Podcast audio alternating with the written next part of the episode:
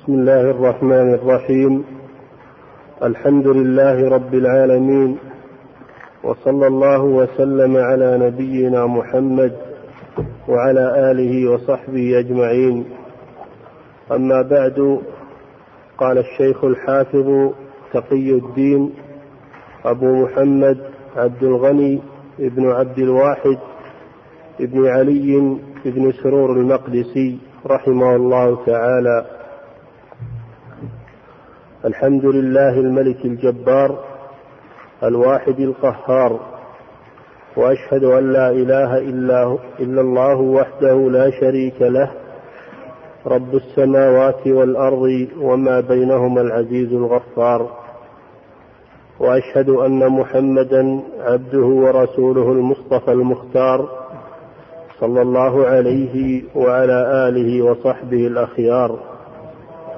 أما بعد فإن بعض إخواني سألني اختصار جملة في أحاديث الأحكام مما اتفق عليه الإمامان أبو عبد الله محمد بن إسماعيل محمد بن إسماعيل بن إبراهيم البخاري ومسلم بن الحجاج ابن مسلم القشيري النيسابوري فأجبته إلى سؤاله رجاء المنفعة به وأسأل الله أن ينفعنا به ومن كتبه أو سمعه أو قرأه أو حفظه أو نظر فيه وأن يجعله خالصا لوجهه الكريم موجبا للفوز لديه في جنات النعيم فإنه حسبنا ونعم الوكيل. بسم الله الرحمن الرحيم. الحمد لله رب العالمين. صلى الله وسلم على نبينا محمد وعلى آله وأصحابه أجمعين. أما بعد فإن كتب الأحاديث ولله الحمد كثيرة. مطولة ومختصرة. وقد اختلفت طرائق المصنفين فيها فمنهم من يجمع الأحاديث دون نظر إلى ترتيب الأبواب وإنما يجمع الأحاديث العامة في العقائد وفي وفي الأحكام وفي الآداب. وهذه تسمى بالكتب الجوامع. ومنهم من يؤلف الأحاديث على المسانيد كالإمام أحمد. فيذكر مسند كل صحابي وما روي عنه من الأحاديث. ثم ينتقل إلى صحابي آخر وهكذا. ومنهم من يؤلف على طريقة أبواب الفقه فيجمع الأحاديث الواردة في كل باب من أبواب الفقه ابتداء بكتاب الطهارة انتهاء بآخر أبواب الفقه. ومن هؤلاء هذا الإمام الحافظ عبد الغني بن عبد الواحد بن علي بن سرور المقدسي الحنبلي الإمام الجليل في الحديث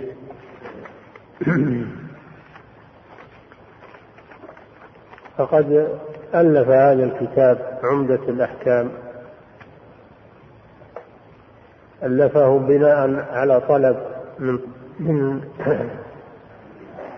على طلب من طلبته ومحبيه الذين أنسوا فيه الأهلية والحفظ. فطلبوا منه أن يؤلف لهم أو يختار لهم كتابا في الأحكام الفقهية. فألف هذا الكتاب من الصحيحين صحيح البخاري صحيح مسلم. فما في هذا الكتاب من الأحاديث فهو متفق عليه بين الشيخين. وهذا منتهى الصحة. اتفق عليه الشيخان فهو أعلى درجات درجات الصحة. فلا حاجة إلى البحث عن سنده أو رواته فإنه مأخوذ من الصحيحين. وقدم له بهذه المقدمة على عادة المؤلفين أنهم يبدأون كتبهم بمقدمة. فيها حمد الله والثناء عليه. الصلاة والسلام على نبيه محمد صلى الله عليه وسلم. ثم يذكرون الغرض الذي من أجله كتبوا كتبهم. لأن هذه المقدمة تبين المقصود من الكتاب؟ والغرض من الكتاب الذي بين يديك. فهذه المقدمة هي ما ماشية على هذا النمط العلمي الجليل. نعم. كتاب الطهارة. نعم. أول أبواب الفقه كتاب الطهارة. لأن الصلاة هي الركن الثاني من أركان الإسلام بعد الشهادتين. لأن أركان الإسلام خمسة شهادة لا إله إلا الله أن محمدا رسول الله وإقام الصلاة وإيتاء الزكاة وصوم رمضان حج بيت الله الحرام إن استطاع إليه سبيلا.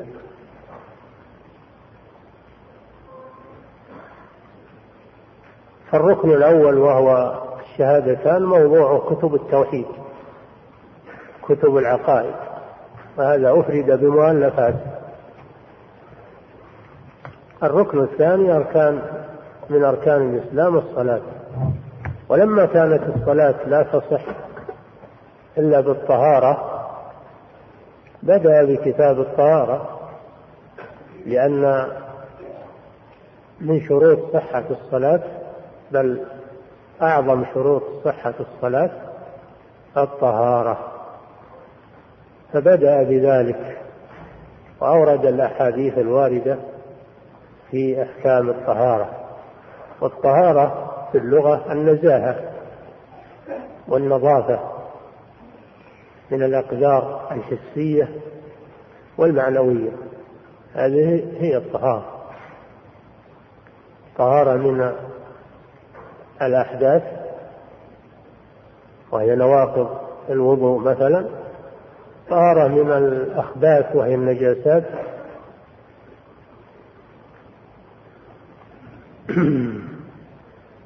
فالطهارة في اللغة هي النظافة والنزاهة من الأقدار الحسية مثل ما ذكرنا والمعنوية مثل الشرك والخبائث إنهم أناس يتطهرون. لما كان آل لوط يتطهرون من من اللواط الذي يفعله قومهم ثم قالوا أخرجوا آل لوط من قريتكم إنهم أناس يتطهرون. يتطهرون من هذه الفاحشة. هذه طهارة معنوية. طهارة معنوية.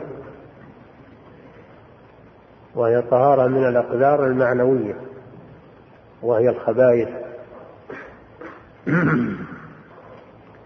والطهارة في الاصطلاح هي رفع الحدث. رفع الحدث وزوال الخبث رفع الحدث الذي هو نواقض الوضوء والحدث معنى يقوم بالبدن يمنع صحة الصلاة ونحوها. هذا هو الحدث. وأما الخبث فهو النجاسة التي الطارئة النجاسة الطارئة على محل طاهر كالنجاسة الواقعة على البدن أو على الثوب أو على البقعة فيشترط للصلاة طهارة من الحدث وذلك بالوضوء والاغتسال والطهارة من الخبث وذلك بغسل النجاسة والابتعاد عنها. هذه هي الطهارة. نعم.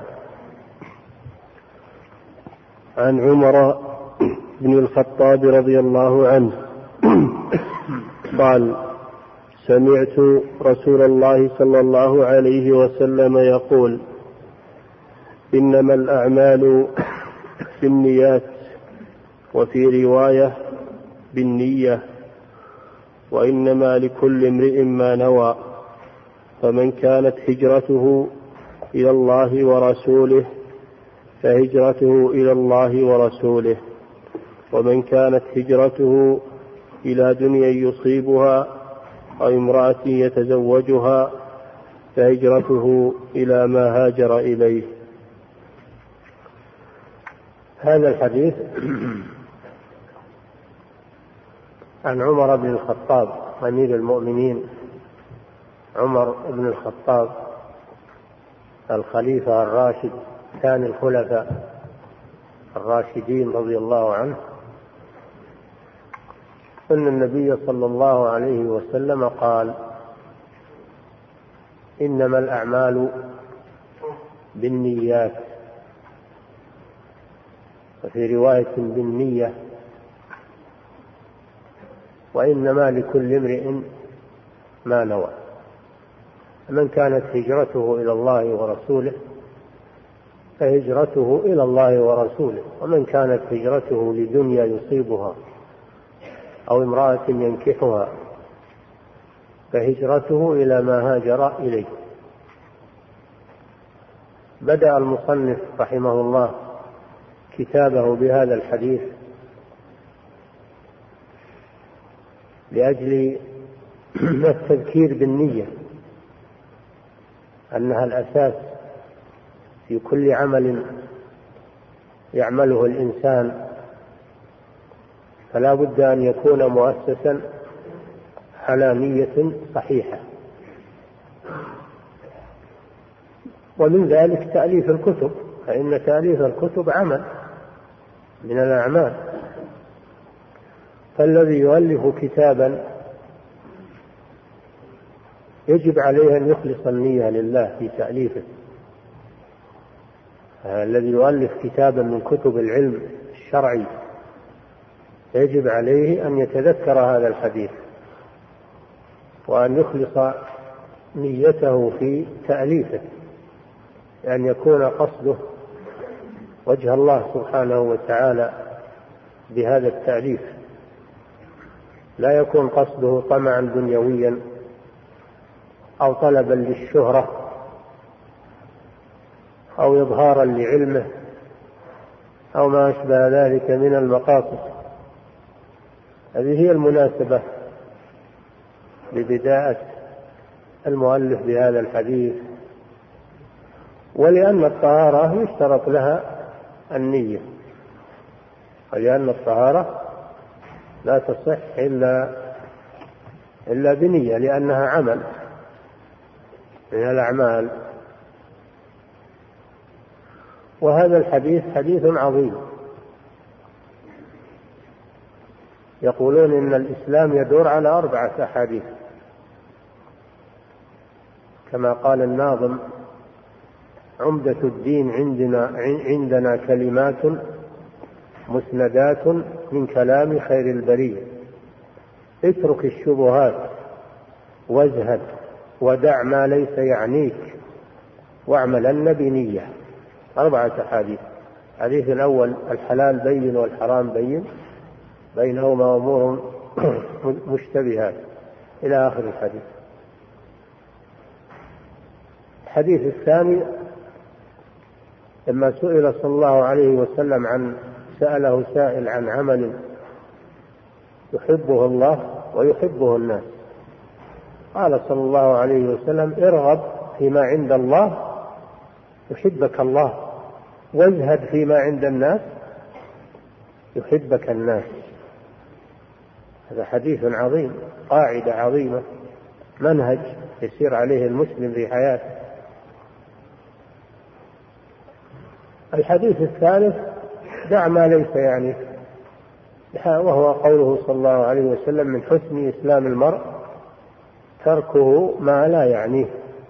الحديث الرابع اعملن بنية هذا الحديث الذي معنا. إنما الأعمال بالنيات وإنما لكل امرئ ما نوى. والنية هي القصد والعزم. النية هي القصد والعزم وهي من أعمال القلوب. هي من أعمال القلوب. ولهذا لا يجوز التلفظ بها بل هي من أعمال القلوب. التلفظ بها بدعة فينوي بقلبه الصلاة أو ينوي بقلبه الصيام أو ينوي بقلبه الحج أو العمرة أو أي عمل من الأعمال الصالحة ولا يتلفظ. يقول نويت أن أصلي نويت أن أتطهر أن أتوضأ نويت أن أصوم نويت أن أطوف أو أسعى أو غير ذلك. لأن النية عمل بالقلب لا باللسان. ولهذا يقول العلماء النية بالقلب والتلفظ بها بها بدعة لأن النبي صلى الله عليه وسلم لم يكن يتلفظ بالنية عندما يريد أن يقوم بعمل من الأعمال. وإنما هذا شيء أحدثه بعض المبتدعة ولا أصل له في الشرع. إنما الأعمال بالنيات أي إنما صحة الأعمال لا بد من تقدير. لا بد من تقدير. تقدير إنما صحة الأعمال أو اعتبار الأعمال بالنيات والمقاصد لا بصورتها الظاهرة. فقد يأتي الإنسان بعمل كبير ولا يكون له عند الله وزن. لأن نية صاحبه فاسدة. لأن نية صاحبه فاسدة. إما أنه فعله من باب الرياء أو من باب السمعة أو لأجل طمع من الدنيا فلا يعتبر هذا العمل عند الله شيئا. لأن نية صاحبه غير صحيحة. وربما يأتي الإنسان بعمل قليل مخلص مخلص لله عز وجل فيه يكون فيه بركة وخير كثير. ليست العبرة بصور الأعمال ومظاهرها إنما العبرة بنيات أصحابها ومقاصد أصحابها. فإن كانت نياتهم سليمة كانت أعمالهم مستقيمة ومقبولة. عند الله. وإن كانت نيات أصحابها مختلة أو فاسدة فهي أعمال حابطة وباطلة.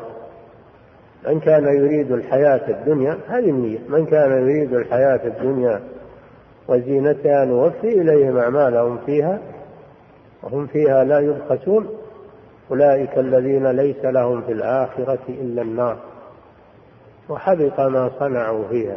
وباطل ما كانوا يعملون. لماذا؟ لأنهم يريدون في أعمالهم التي ظاهرها العبادة يريدون بها الدنيا طمع الدنيا. فهذه آه، نتيجة أعمالهم ونياتهم الفاسدة. ليس لهم في الآخرة إلا النار. لفساد نياتهم. ولهذا يقول صلى الله عليه وسلم إنما الأعمال بالنيات وهذه كلمة حصر إنما الأعمال هذه كلمة حصر والحصر معناه إثبات الحكم للمذكور ونفيه عما عداه. إثبات الحكم للمذكور ونفيه عما عداه. معنى هذا أن الأعمال لا تصح ولا تقبل إلا مع صحة النية. وأما مع فساد النية فإن الأعمال لا تعتبر ولا تقبل عند الله سبحانه وتعالى مهما بلغت وكثرت.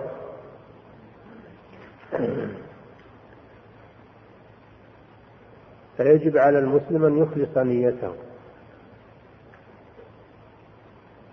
عندما يريد أن يعمل عملا من الأعمال الصالحة التي يتقرب بها إلى الله أن يخلص نيته في ذلك من البداية حتى يكون عمله مؤسسا على أساس صحيح.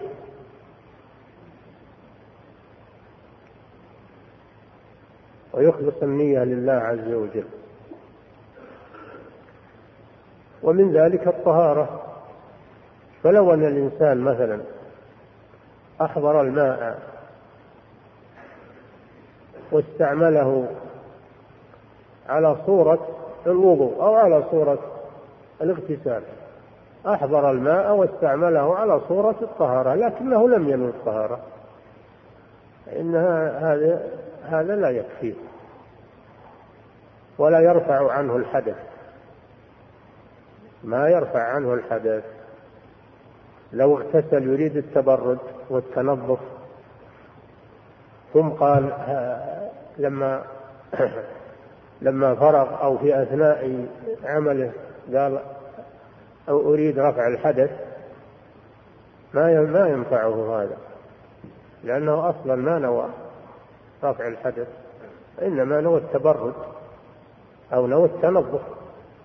وكذلك لو استعمل الماء على أعضاء وضوئه. يريد النظافة مثلا أو يريد إزالة الأوساخ ولم ينوي الوضوء فإن هذا لا يجزيه عن الوضوء لفقدان النية. أما إزالة النجاسة فلا تحتاج إلى نية.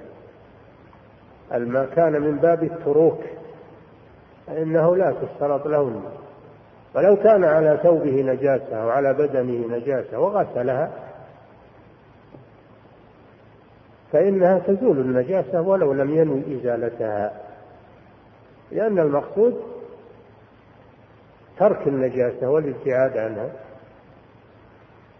فلو غسلها يريد النظافة أو يريد آه، التبرد أو يريد غير ذلك فإن هذا يكفي. لأن المقصود إزالة النجاسة وقد قد زالت.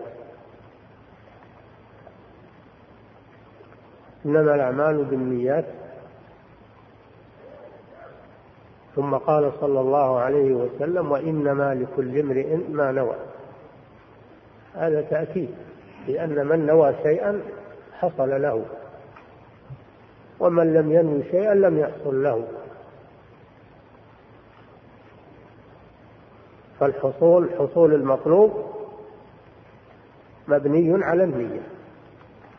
فليس لك من عملك إلا ما نويته. وما لم تنوه فإنه لا لا ينفع. وإنما لكل امرئ والامرئ المراد به الإنسان. امرئ يراد به الإنسان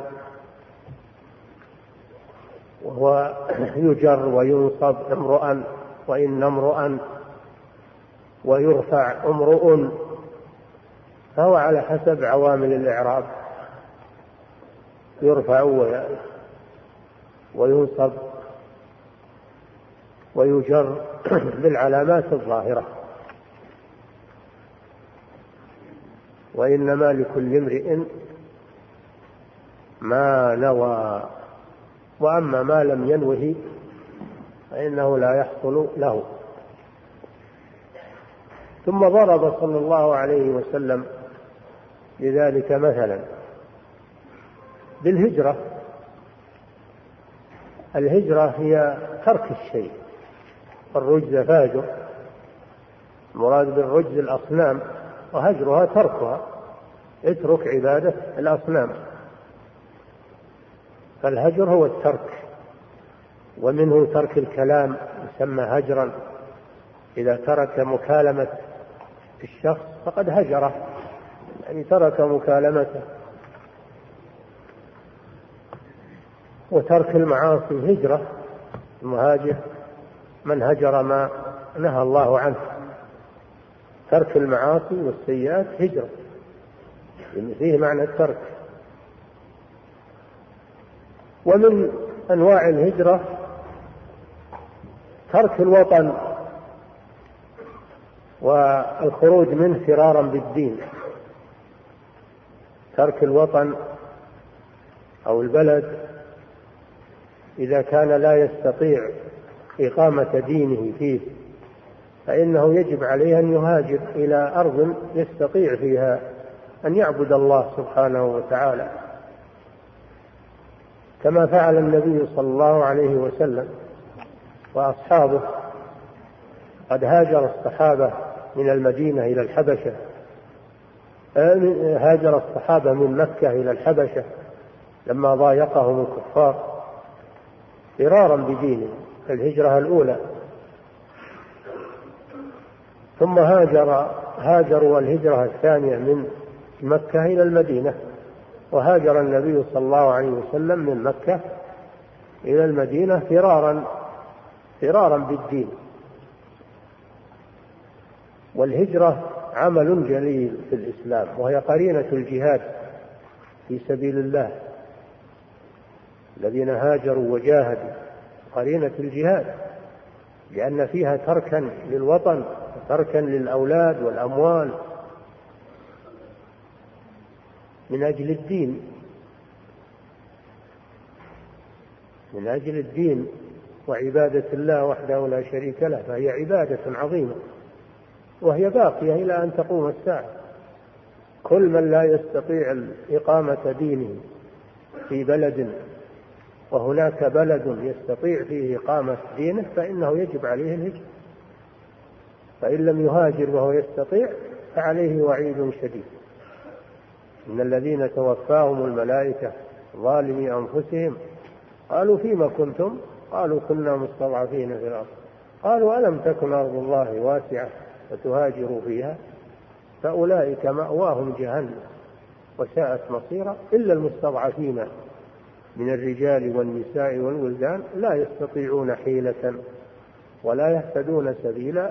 فأولئك عسى الله أن يعفو عنهم. وكان الله عفوا غفورا ومن يهاجر في سبيل الله يجد في الأرض مراغما كثيرا وسعة. فالهجرة واجبة أجل الفرار بالدين إلى أن تقوم الساعة. وأما قوله صلى الله عليه وسلم لا هجرة بعد الفتح المراد به الهجرة من مكة لأنها صارت دار إسلام.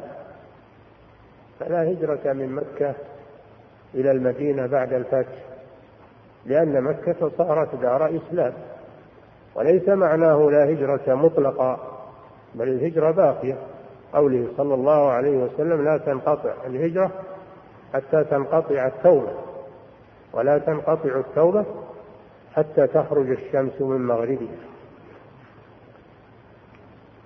فالهجرة عمل جليل ولهذا جاء ذكر المهاجرين مقدما على ذكر الأنصار رضي الله عنهم لأن المهاجرين أفضل من الأنصار لأنهم تركوا أوطانهم وديارهم وأولادهم وأموالهم وفروا بدينهم فاستحقوا الثناء من الله عز وجل والتقديم.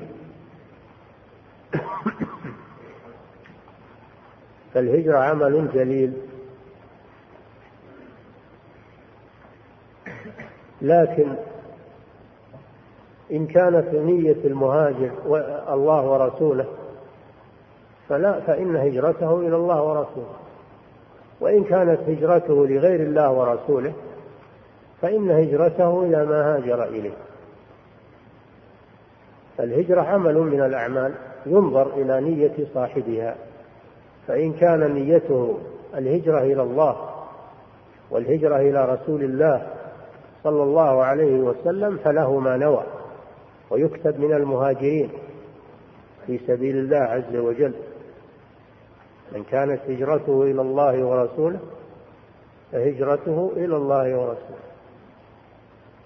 التقدير من كانت هجرته إلى الله ورسوله نية وقصدا فهجرته إلى الله ورسوله حكما وشرعا. لا بد من هذا التقدير وإلا يكون الكلام مكررا. من كانت هجرته إلى الله ورسوله فهجرته إلى الله ورسوله هذا مكرر. لا بد من تقدير يبين المراد والمراد كما قالوا من كانت هجرته إلى الله ورسوله نية وقصدا فهجرته إلى الله ورسوله حكما وشرعا. وأما من كانت هجرته لغير الله ورسوله لدنيا يصيبها. سافر من بلد إلى بلد يريد التجارة لأن البلد الآخر فيه تجارة وفيه ثروة وفيه معيشة. دنيا. يهاجر من أجل الدنيا لا من أجل الدين. أو إلى امرأة ينكحها. هاجر من أجل أن يتزوج. بالبلد الذي هاجر إليه. ليس له من هجرته إلا هذه المرأة. وليس له أجر عند الله سبحانه وتعالى. والحديث له سبب وهو أن رجلا هاجر في عهد النبي صلى الله عليه وسلم يريد أن يتزوج امرأة يقال لها أم قيس. هاجر يريد أن يتزوج. ولم يهاجر من أجل الدين. النبي صلى الله عليه وسلم قال هذا من كانت هجرته إلى دنيا يصيبها أو امرأة ينكحها فهجرته إلى ما هاجر إليه وليست إلى الله ورسوله. ليست إلى الله ورسوله. ولهذا صار يسمى مهاجر أم قيس. صار هذا الرجل يسمى بمهاجر أم قيس. لأن هذا قصده من الهجرة. هذا أصل الحديث وسببه وهو مثال يوضح أول الحديث.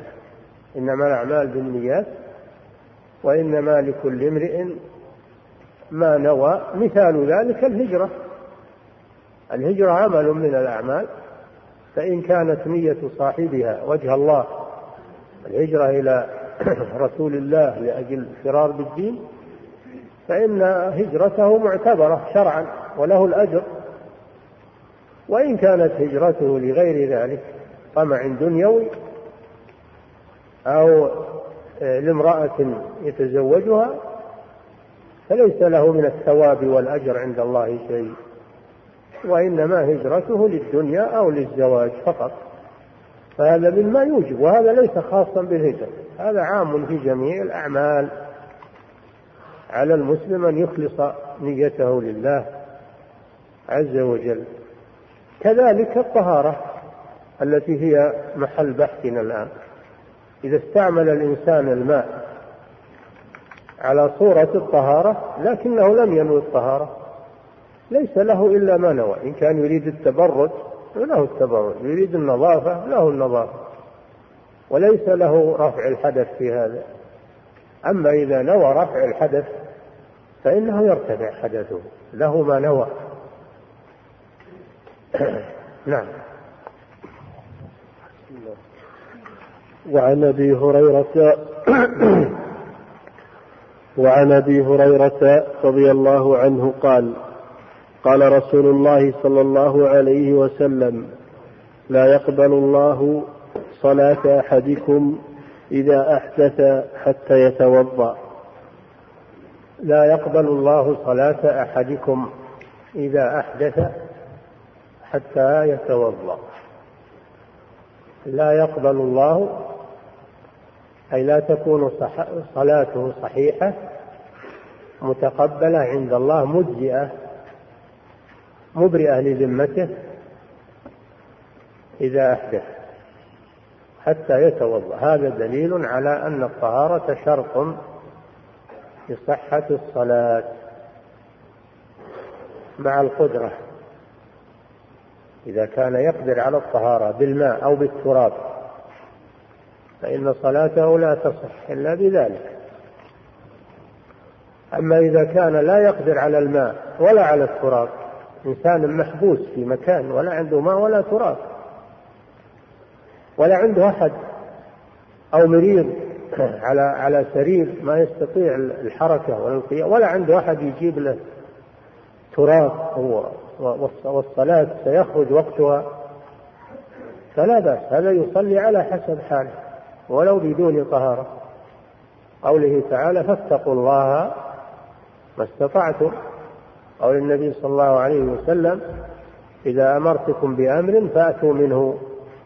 ما استطعتم فلا يترك الصلاة. صلي على حسب حاله. ولو بدون طهارة بالماء ولا بالتراب.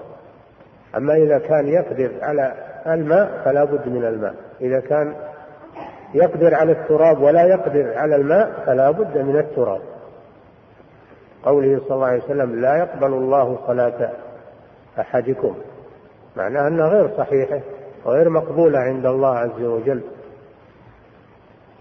إذا أحدث يعني حصل منه حدث. والحدث هو ما يخرج من الإنسان من السبيلين. ما يخرج من السبيلين من بول أو غائط أو ريح. يخرج من السبيلين. هذا هو الحدث. فإذا حصل منه حدث فلا بد أن يتوضأ. ودل على أنه إذا لم يحصل منه حدث إذا كان الإنسان على طهارة سابقة ولم يحصل منه ناقض للوضوء فإن طهارته باقية. يصلي فيها ما شاء من الأوقات. أما إذا انتقض وضوءه فإنه لا يجوز له أن يصلي بغير بغير وضوء. فإن صلى بغير وضوء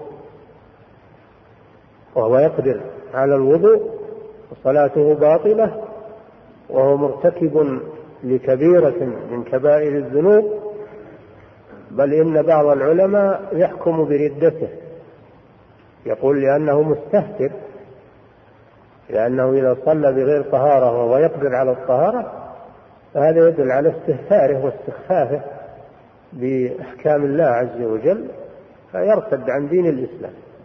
والجمهور يقولون لا يرتد ولكن يعتبر متلاعبا وصلاته غير صحيحة. نعم. عن عبد الله بن عمرو بن العاص وأبي هريرة وعائشة رضي الله عنهم قالوا قال رسول الله صلى الله عليه وسلم ويل للأعقاب من النار. نعم.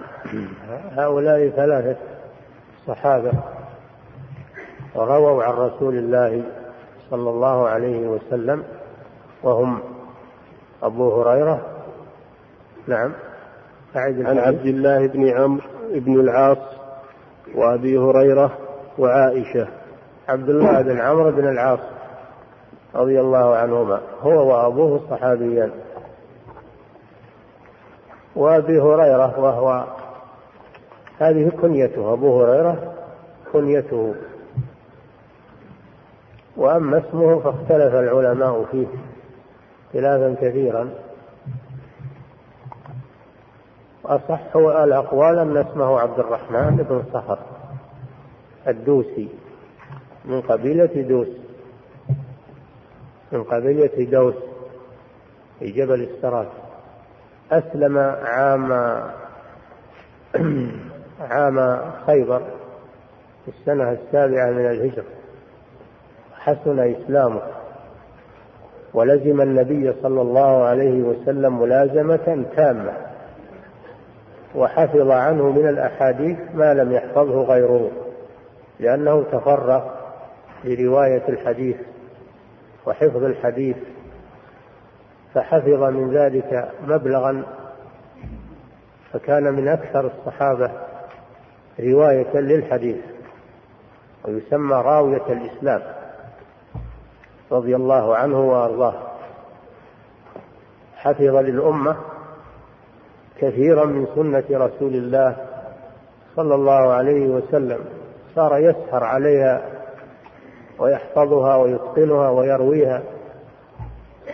حتى صار مصدرا من مصادر سنة رسول الله صلى الله عليه وسلم. وعائشة هي أم المؤمنين. عائشة بنت أبي بكر الصديق من أفضل أزواج النبي صلى الله عليه وسلم بل هي أفضل زوجات النبي صلى الله عليه وسلم لولا ما هناك من الخلاف بينها يعني بين أيهما أفضل خديجة أو عائشة على خلاف بين العلماء. بعضهم يرى أن خديجة أفضل وبعضهم يرى أن عائشة أفضل. ولكل منهما فضائل رضي الله تعالى عنهما وعن أزواج النبي صلى الله عليه وسلم وعن صحابته الأكرمين. أن النبي صلى الله عليه وسلم قال ويل للأعقاب من النار. وفي رواية أسبغ الوضوء ويل للأعقاب من النار. وفي رواية أسبغ الوضوء ويل للأعقاب وبطون الأقدام من النار. أسبغوا هذا أمر بالإسباغ وهو إتمام الوضوء. إسباغه يعني إتمامه. على الأعضاء بحيث لا يبقى من العضو شيء لا يبلغه الماء ومنه الدرع السابق يعني الدرع الواسع الذي آه، يستر المقاتل. فالإسباغ معناه الإتمام والإكمال بحيث لا يبقى شيء من أعضاء الوضوء لا يصل إليه الماء. والحديث له سبب وهو أن النبي صلى الله عليه وسلم رأى رجالا أعقابهم تلوح يعني لم يصبها الماء. فعند ذلك قال لهم ويل للأعقاب من النار. والأعقاب جمع عقب وهو مؤخرة الرجل لأن هذا الموضع لا يفطن له الإنسان. قد يتساهل فيه ويظن أن الماء وصل إليه وهو لم يصل يحتاج إلى انتباه يحتاج إلى انتباه للعقد أنه مؤخرة الرجل وربما أن الإنسان لا ينتبه إليه عند الوضوء ويظن أن الماء واصل وهو لم يصل. فهذا فيه الحث على تعاهد الأعضاء عند الوضوء. وإيصال الماء إليها بحيث لا يبقى منها شيء. وكلمة ويل كلمة تهديد وعذاب. وقيل واد في جهنم. ويل هذه كلمة عذاب تهديد. لمن لم يتنبه بعقبيه عند الوضوء فيسبغ الماء عليهما. وفي الحديث دليل على وجوب غسل الرجل كلها رد على الروافض الذين يقولون يكفي المس يكفي مس على ظاهر القدر. فالحديث فيه رد عليهم واضح. قال صلى الله عليه وسلم ويل للأعقاب من النار. فدل على أنه لا بد من تعميم الرجل بالغسل وأنه لا يكفي المس لا بد من الغسل. إنما المس إذا كان عليهما خفاف. أما إذا كان مكشوفين فلا بد من الغسل. لقوله تعالى وأرجلكم إلى الكعبين والكعبان هما العظمان الناتئان في أسفل الساق. وإلى بمعنى مع أي مع الكعبين. فلا بد من غسل الكعبين وما تحتهما والعقب والقدم وجميع الرجل بحيث لا يبقى منها شيء لا يصل إليه الماء ولا يكفي المسح لا بد من جريان الماء. لا بد من جريان الماء على العضو. وإن حصل معه ذلك فهذا أكمل وإن لم يحصل ذلك فإنه يكفي جريان الماء على العضو. فهذا الحديث فيه دليل على وجوب غسل الرجلين غسلا كاملا. ردا على الرافضة الذين يقولون يكفي مس القدمين. وفيه أنه يجب على المتوضي أن يتعاهد أعضاءه بحيث لا يبقى منها شيء. لا يصل إليه الماء.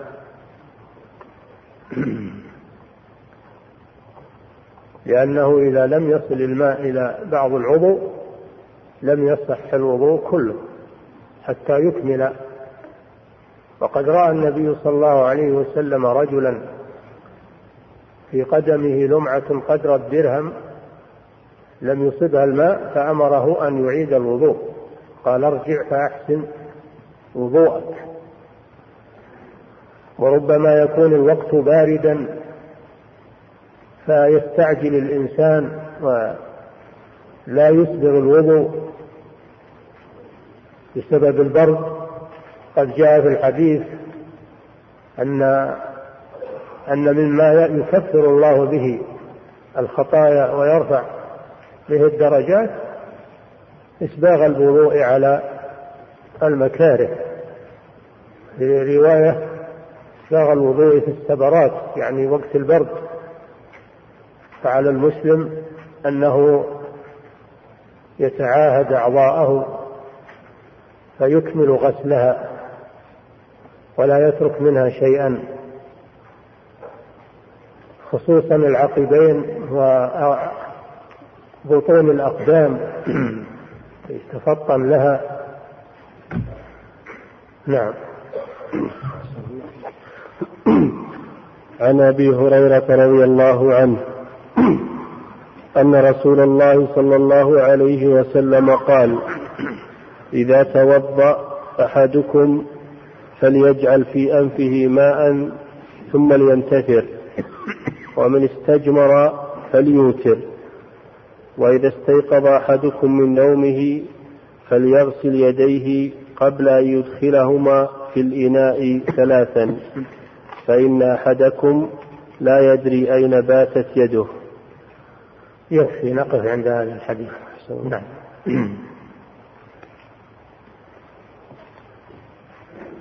فضيلة الشيخ يقول السائل هل كل سفر يسمى هجرة؟ يسمى هجرة لغة لا شرعا. سفر ترك البلد يسمى هجرة من باب اللغة. هجر الشيء بمعنى تركه. أما الهجرة الشرعية فهي أن ينوي بالهجرة الفرار بدينه. نعم. فضيلة الشيخ قلتم حفظكم الله. لو الشيخ ناصر لو حركتم المراوح. نعم. نعم. أحسن الله إليك. فضيلة الشيخ قلتم إن إزالة النجاسة من التروك. فما فما معنى التروك؟ وهل يقابلها شيء؟ تروك معناها ترك الشيء والابتعاد عنه. المقصود ترك النجاسة والابتعاد عنها.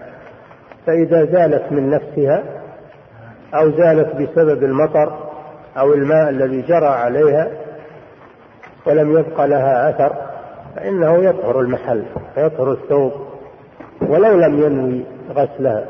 نعم. فضيلة الشيخ يقول السائل ما حكم لبس كل جورب على حدة بعد غسله؟ لا بد عندما يلبس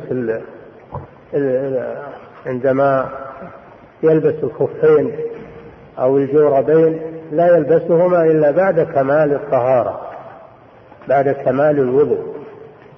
توضأ وضوءا كاملا ويغسل رجليه ثم بعد ذلك يلبس الخفين أو الجوربين. ولا يكفي أنه يغسل واحد ويلبس ثم يغسل الثاني ويلبس. وذلك لما في حديث كما يأتي في حديث المغيرة بن شعبة رضي الله عنه لما أراد أن ينزع خفي النبي صلى الله عليه وسلم قال دعهما فإني أدخلتهما طاهرتين.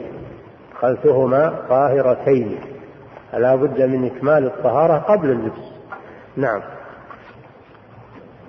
فضيلة الشيخ يقول السائل ما هي أهم الكتب المفيدة في شرح هذا المتن؟ هذا الكتاب له شروح كثيرة. له شروح كثيرة. فأي شرح يتيسر لك تقرأ فيه. والشروح الموجودة الآن شرح ابن دقيق العيد الذي أملاه على ابن المظفر بن الأثير. فشرح ابن دقيق العيد المسمى بالعدة شرح العمدة هو المشهور. وهو الذي بأيدي الناس. فظهر شرح مطول لابن الملقن يبلغ عشرة مجلدات أو أكثر. وهناك شروح كثيرة لهذا الكتاب. الشروح ميسورة ولله الحمد. منها المطول ومنها المختصر ومنها المتوسط. وشروح معاصرة. نعم. فضيلة الشيخ يقول السائل هل يفهم من حديث عمر رضي الله عنه أن أعمال الدنيا من تجارة وزواج وغيرها ليس للمسلم فيه أجر أم أن الأمر فيه تفصيل؟ كلام في الهجرة الكلام في الهجرة الذي يهاجر يريد الدنيا أو يريد الزواج ليس له أجر الهجرة ليس له أجر الهجرة وإنما له ما نوى. أما إذا قصد بطلب الرزق الاستعانة على عبادة الله والاستغناء عن الناس فإنه يؤجر. كذلك إذا قصد بالزواج إعفاف نفسه وطلب الذرية والمتعة المباحة يؤجر على ذلك أيضا. نعم. فضيلة الشيخ يقول السائل ذكرتم حفظكم الله الأحاديث الدالة على وجوب الهجرة من ديار الكفر إلى ديار التوحيد. فما حكم من يقوم بالهجرة من بلاد المسلمين إلى ديار الكفر ويقيم فيها ويمنح الجنسية على ذلك؟ هذا عكس الهجرة. هذا عكس الهجرة. الذي يخرج من بلاد المسلمين ويذهب إلى بلاد الكفار هذا عكس الهجرة. هذا منهي عنه. سمعتم الآية الذين توفاهم الملائكة ظالمي أنفسهم. قالوا فيما كنتم؟ قالوا كنا مستضعفين في الأرض. قالوا ألم تكن أرض الله واسعة فتهاجروا فيها؟ في الحديث آه أنه آه في الحديث أنا بريء من مسلم يقيم بين أظهر المشركين. وفي حديث لا تتراءى ناراهما. فإذا كان يقدر على الهجرة إلى بلاد المسلمين أو إلى بلاد ولو كانت غير مسلمة لكن يتمكن من إظهار دينه فيها فيهاجر إليها. كما هاجر الصحابة إلى أرض الحبشة وهي ليست بلادا إسلامية في وقتها لكن هي أخف البلاد ضررا فيهاجر إلى المكان الذي يتمكن فيه من إظهار دينه. نعم. فضيلة الشيخ يقول السائل هل الهجرة من هذه البلاد إلى بلاد إسلامية أخرى تعتبر هجرة أم ينطبق عليها حكم مكة المكرمة؟ الهجرة كل ما وجد بلدا يظهر فيه الإسلام أكثر والبلد أهله مسلمون مئة بالمئة وتقام فيه شعائر الإسلام وليس فيه شعائر للكفر ولا للوثنية. لا شك أن هذا يتعين الهجرة إليه إذا أمكن. تعين الهجرة إليه إذا أمكن. ولا يترك إلى بلد آخر فيه أعلام الشرك وفيه أعلام الوثنية وفيه عدم الأمر بالمعروف والنهي عن المنكر. نعم. فضيلة الشيخ يقول السائل ما حكم أو القول الراجح في البسملة عند الوضوء؟ وكيف يبسمل إذا كان داخل الحمام؟ التسمية عند الوضوء ورد فيها حديث تعددت رواياته وإن كان ضعيفا لكن كثرة رواياته ومخارجه. يعبد بعضها بعضا وهو قوله صلى الله عليه وسلم لا وضوء لمن لم يذكر اسم الله عليه. وبناء على ذلك الإمام أحمد يرى أن التسمية واجبة من واجبات الوضوء. إن تركها متعمدا لم يصح وضوءه وإن تركها ناسيا أو جاهلا صح وضوءه. والجمهور على أنها سنة.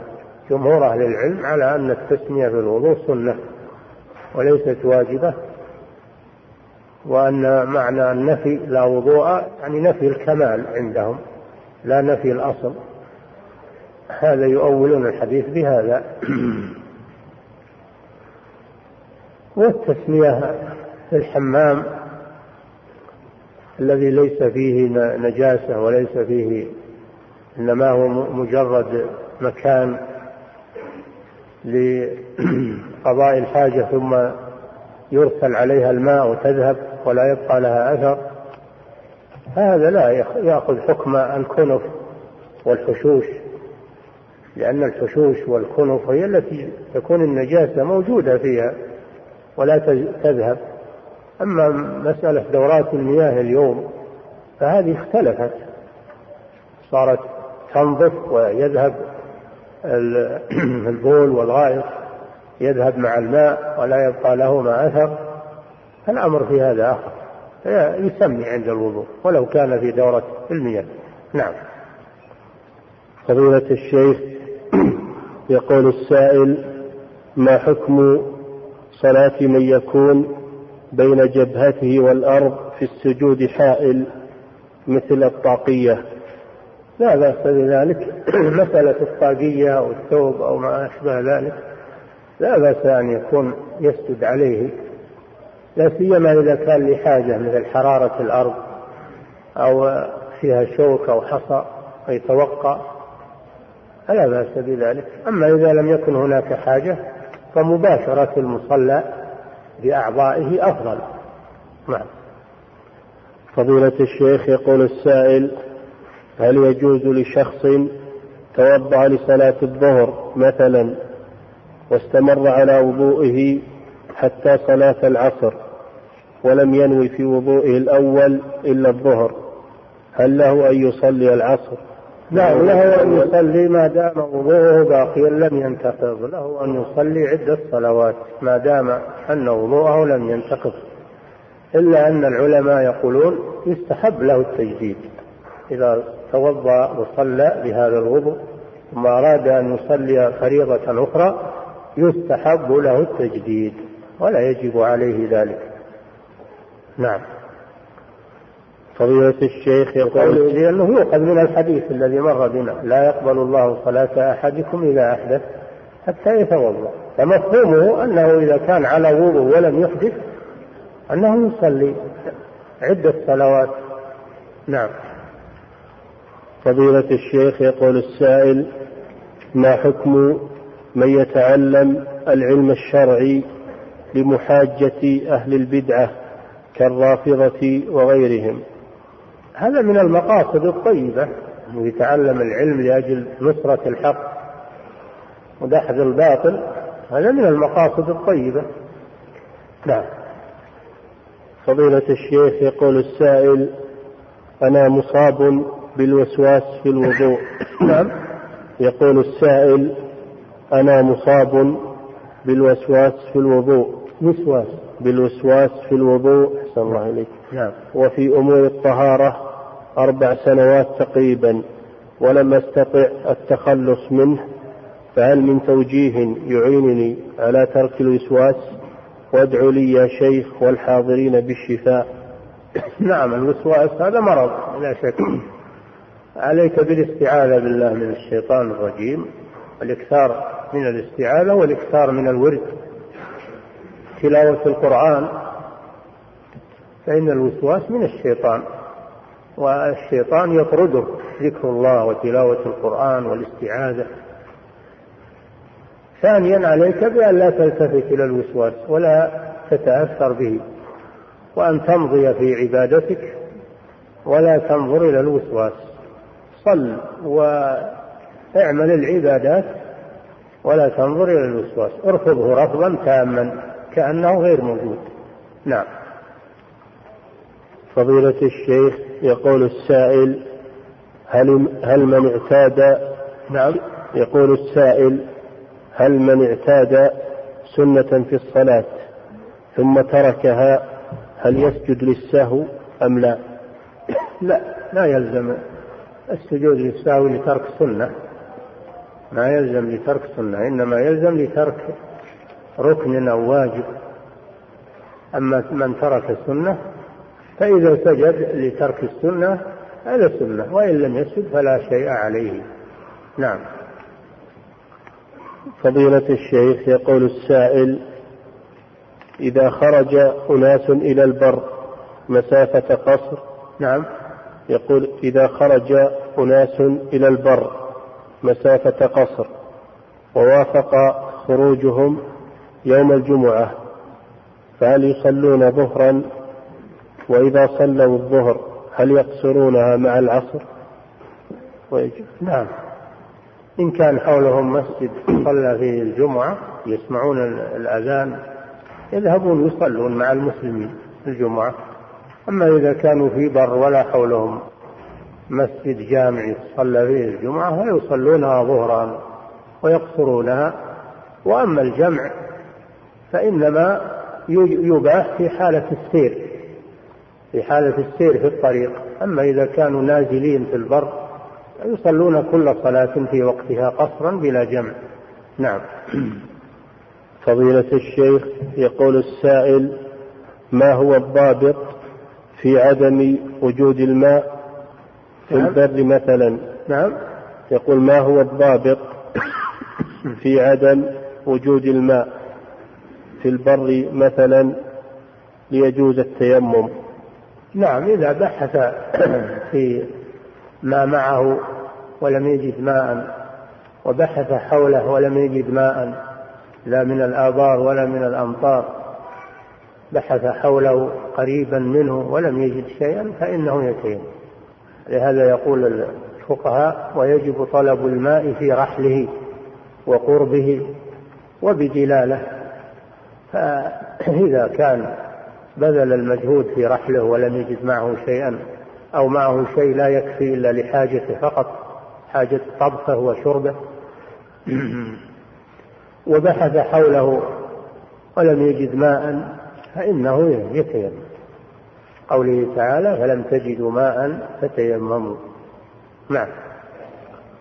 فضيلة الشيخ يقول السائل هل يجوز لمن كان إماما أن يوكل في صلاة العشاء إذا كان ملازما لأحد الدروس البعيدة عن المكان الذي يسكن فيه؟ إذا وجد إذا وجد من من ينوب عنه وهو أهل للنيابة يعني عنده كفاءة فإنه لا بأس لأن ذهابه لطلب العلم هذا عذر شرعي. فإذا وجد من يقوم بالعمل فإنه يوكل من يصلي عنه والوكيل له أجر وهو له أجر أيضا في طلب العلم. نعم. فضيلة الشيخ يقول السائل لقد أتممنا فريضة الحج وقمنا بطواف الوداع ثم ثم اتجهنا إلى الكعكية في تمام الساعة ثم؟ ثم اتجهنا إلى الكعكية أي نعم. في تمام الساعة الثانية وبيتنا بالكعكية إلى الفجر وذلك بسبب تعب تعبنا الشديد فهل يلزمنا شيء؟ إذا كانت الكعكية داخل مكة من بيوت مكة فبياتكم فيها ينقض الوداع. لا بد من إعادة الوداع. أما إذا كانت الكعكية خارج مكة فلا حرج عليكم في ذلك. لو بتم في البر أو في القرى القريبة من مكة فلا حرج في ذلك. المهم الخروج من مكة. خروج من محيط مكة. نعم. فما دام إنكم بيتم داخل مباني مكة ينتقض وداعكم ويلزمكم الإعادة وإذا لم تعيدوا عليكم فدية. بدل طواف الوداع. نعم. فضيلة الشيخ يقول السائل رجل جامع زوجته في في رمضان ولم ينتهي إلا مع أذان الفجر فهل يلزمه شيء؟ حسب الأذان إن كان الأذان متقدما على طلوع الفجر فليس عليه شيء لأنه في ليل أما إن كان الأذان يبدأ مع طلوع الفجر فيكون عليه إعادة اليوم ويكون عليه الكفارة وهي صيام شهرين متتابعين عتق رقبة فإن لم يجد صيام شهرين متتابعين فإن لم يستطع فإطعام ستين مسكينا. نعم.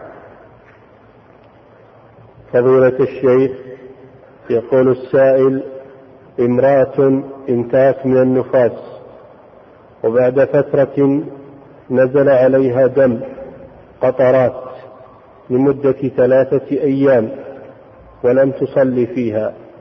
فهل تقضي الصلاة؟ علما بأنها لم تأتها الدورة إلى الآن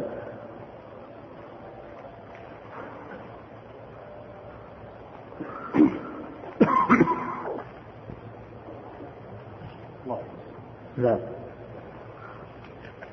فضيلة الشيخ يقول السائل امرأة انتهت من النفاس وبعد فترة نزل عليها دم قطرات لمدة ثلاثة أيام ولم تصلي فيها فهل تقضي الصلاة؟ علما بأنها لم تأتها الدورة إلى الآن. إن كانت أكملت الأربعين فالنفاس ينتهي بالأربعين ولا يعتبر ما ينزل بعد الأربعين من النفاس. فتصلي ولو نزل عليها دم. لأنه يعتبر دم فساد. إلا إذا صادف عادة الحيض. إذا صادف عادة الحيض دورة الحيض فإنها تعتبره حيضا. ولا تعتبره نفاسا. تجلس فيه على أنه حيض. أما إذا لم يصادف عادة الحيض فإنه لا يعتبر وتصلي فيه. نعم. فضيلة الشيخ يقول السائل هل يكفي هل يكفي جريان الماء؟ هل يكفي جريان الماء على الوضوء على العضو في الغسل؟ نعم يكفي. إذا جرى الماء على البدن في الغسل فإنه يكفي. الدلك إنما هو سنة. نعم. فضيلة الشيخ يقول السائل إمام صلى بالناس وهو لابسا للبشت وضعه على عاتقه ولم يدخل يديه في الكم. فهل هذا هو السدل المنهي عنه في الصلاة؟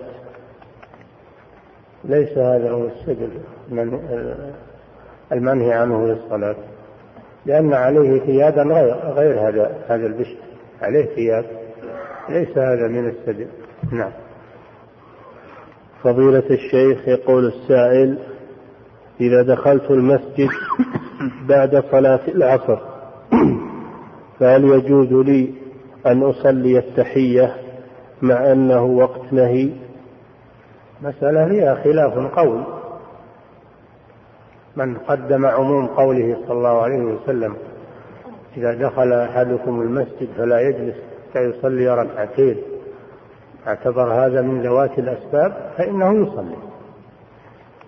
هذا قول كثير من المحققين من أهل العلم كشيخ الإسلام ابن تيمية وابن القيم. وإن قدم عموم النهي عن الصلاة بعد العصر فجلس فلا حرج عليه لأن هذا قول طوائف كثيرة من أهل العلم. فهذا من تعارض العمومين هذا من تعارض العمومين.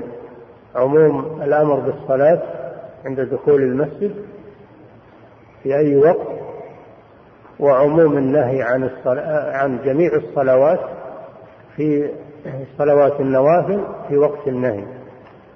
فبعضهم يقدم عموم النهي عن الصلوات النوافل وبعضهم يقدم عموم الأمر أو عموم النهي عن الجلوس. فالمسألة خلافية وخلاف قوي فمن صلى فلا ينكر عليه ومن جلس فلا ينكر عليه لأن كل واحد له مستند. نعم. فضيلة الشيخ يقول السائل هل يشترط التتابع في صيام كفارة اليمين. لا يشترط هذا. لا يشترط التتابع في كفارة اليمين لأن الله قال فمن لم يجد فصيام ثلاثة أيام ولم يذكر تتابعا. نعم. فضيلة الشيخ يقول السائل بعض الناس يزهد في التمذهب وحفظ متون الفقه بحجة الاجتهاد والأخذ من الحديث فما رأيكم. هذا يريد أن يتصور المباني قبل أن هذا لا يجوز؟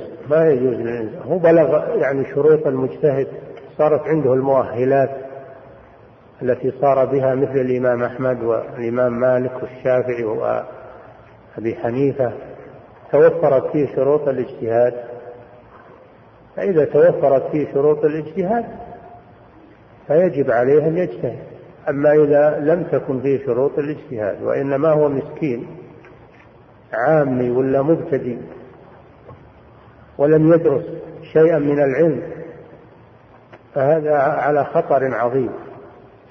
يجب عليه التقليد وإلا يضيع قال تعالى فاسألوا أهل الذكر كنتم لا تعلمون. فهذا ليس عنده شيء من المؤهلات حتى يجتهد. فلا بد أن يأخذ بمذهب من مذاهب أهل العلم وأهل السنة لأن هذا متعين عليه. لا يجوز له أن يجتهد وهو لا يحسن الاجتهاد فيضيع ويضيع غيره. وهذه بلية كثير من المعاصرين اليوم أنهم ظنوا أنهم بلغوا رتبة الاجتهاد وهم مساكين لم يعرفوا أوليات العلوم. لم يعرفوا أوليات العلوم. لا يعرف النحو لا يعرف الأصول لا يعرف الفقه لا يعرف قواعد الفقه لا يعرف التفسير لا يعرف الحديث. كيف يصير هذا مجتهد؟ ولم يدرس على أحد من أهل العلم إنما يقرأ في الكتب فقط. هذا خطر على نفسه خطر على المسلمين. نعم. فعلى المسلم أن يتقي الله وأن يعرف قدر نفسه. لأن المسألة ما هي مسألة سهلة. مسألة مسألة دين. مسألة وقوف بين يدي الله يوم القيامة وأن تقولوا على الله ما لا تعلمون. وهذا ليس من أهل العلم. هذا من المتطفلين والمبتدئين. من أين أخذ العلم؟ على من تعلم؟ على من درس؟ نعم. فضيلة الشيخ يقول السائل هل يجوز أن ينوي المسلم نيتين بالصوم مثل صيام يوم عاشوراء ويوما قبله وبعده وينوي أيضا صيام ثلاثة أيام من كل شهر؟ صيام عاشوراء مستقل. صيام يوم قبله أو بعده هذا صيام مستقل. ثلاثة أيام من كل شهر هذه عبادة مستقلة. فلا يدخل هذا في هذا. يصوم ثلاثة أيام من الشهر ويصوم يوم عاشوراء ويوم قبله أو يوم بعده. نعم. فضيلة الشيخ يقول السائل إذا كان الرجل لابسا للشراب فهل يمسح العقب معه؟ نعم. يقول إذا كان الرجل لابسا للشراب نعم. فهل يمسح العقب معه؟ يمسح ما ورد الدليل بمسحه وهو من رؤوس الأصابع إلى الساق. ظاهر ظاهر الخف أو ظاهر الجوارح. هذا الذي ورد ولا يمسح الجوانب جوانب الرجل. أو عقب الرجل هذا ما ورد مسحه نعم. فضيلة الشيخ يقول السائل هل لمس بول الطفل ينقض الوضوء؟ نعم. هل لمس بول الطفل ينقض الوضوء؟ لمس البول سواء من الطفل أو من الكبير لا ينقض الوضوء ولكن ينجس. ينجس اليد فيجب غسله. يجب غسله لأنه نجاسة في, في اليد أو في الثوب. وأما الوضوء فهو صحيح. الوضوء لا ينتقض إلا بنواقض الوضوء المعروفة نعم. فضيلة الشيخ يقول السائل هل يجوز الترديد خلف المؤذن الذي يسجل صوته في المسجل؟ متابعة المؤذن الذي يؤذن بصوت حي. أما الذي تسجيل فلا هذا ليس له حكم الأذان. هذا ليس له حكم الأذان ولا يتأتى به الأذان. فلو الناس اقتصروا على التسجيل ما أدوا الأذان. لا بد لأن الأذان عبادة لا بد أن تؤدى من شخص يقوم بها. أما التسجيل هذا لا يؤدي العبادة ولا يكفي في الأذان. فالأذان المعتبر هو الأذان الحي الذي يؤدى وقت دخول الصلاة. نعم. فضيلة الشيخ يقول السائل عندما أريد الطهارة تكون نيتي لأداء الصلاة فهل تكفي عن نية الوضوء؟ نعم إذا نوى رفع الحدث أو نوى الصلاة إذا نوى الصلاة بالوضوء فإنه يكفي. يعني ينوي إما رفع الحدث وإما ينوي استباحة الصلاة. نعم. فضيلة الشيخ يقول السائل حفظكم الله ما معنى كلامكم فهجرته إلى الله حكما وشرعا؟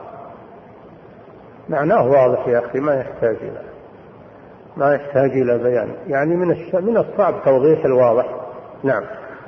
فضيلة الشيخ يقول السائل هل الدم يعتبر كالخارج من السبيلين؟ هل هل الدم هل الدم يعتبر كالخارج من السبيلين؟ يعني خروج الدم من الإنسان ينقض الوضوء مثل ما يخرج من السبيلين؟ نعم. جماعة من أهل العلم يرون هذا أن الخارج الفاحش الكثير النجس من البدن مثل الخارج من السبيلين مثل القيء مثل الدم.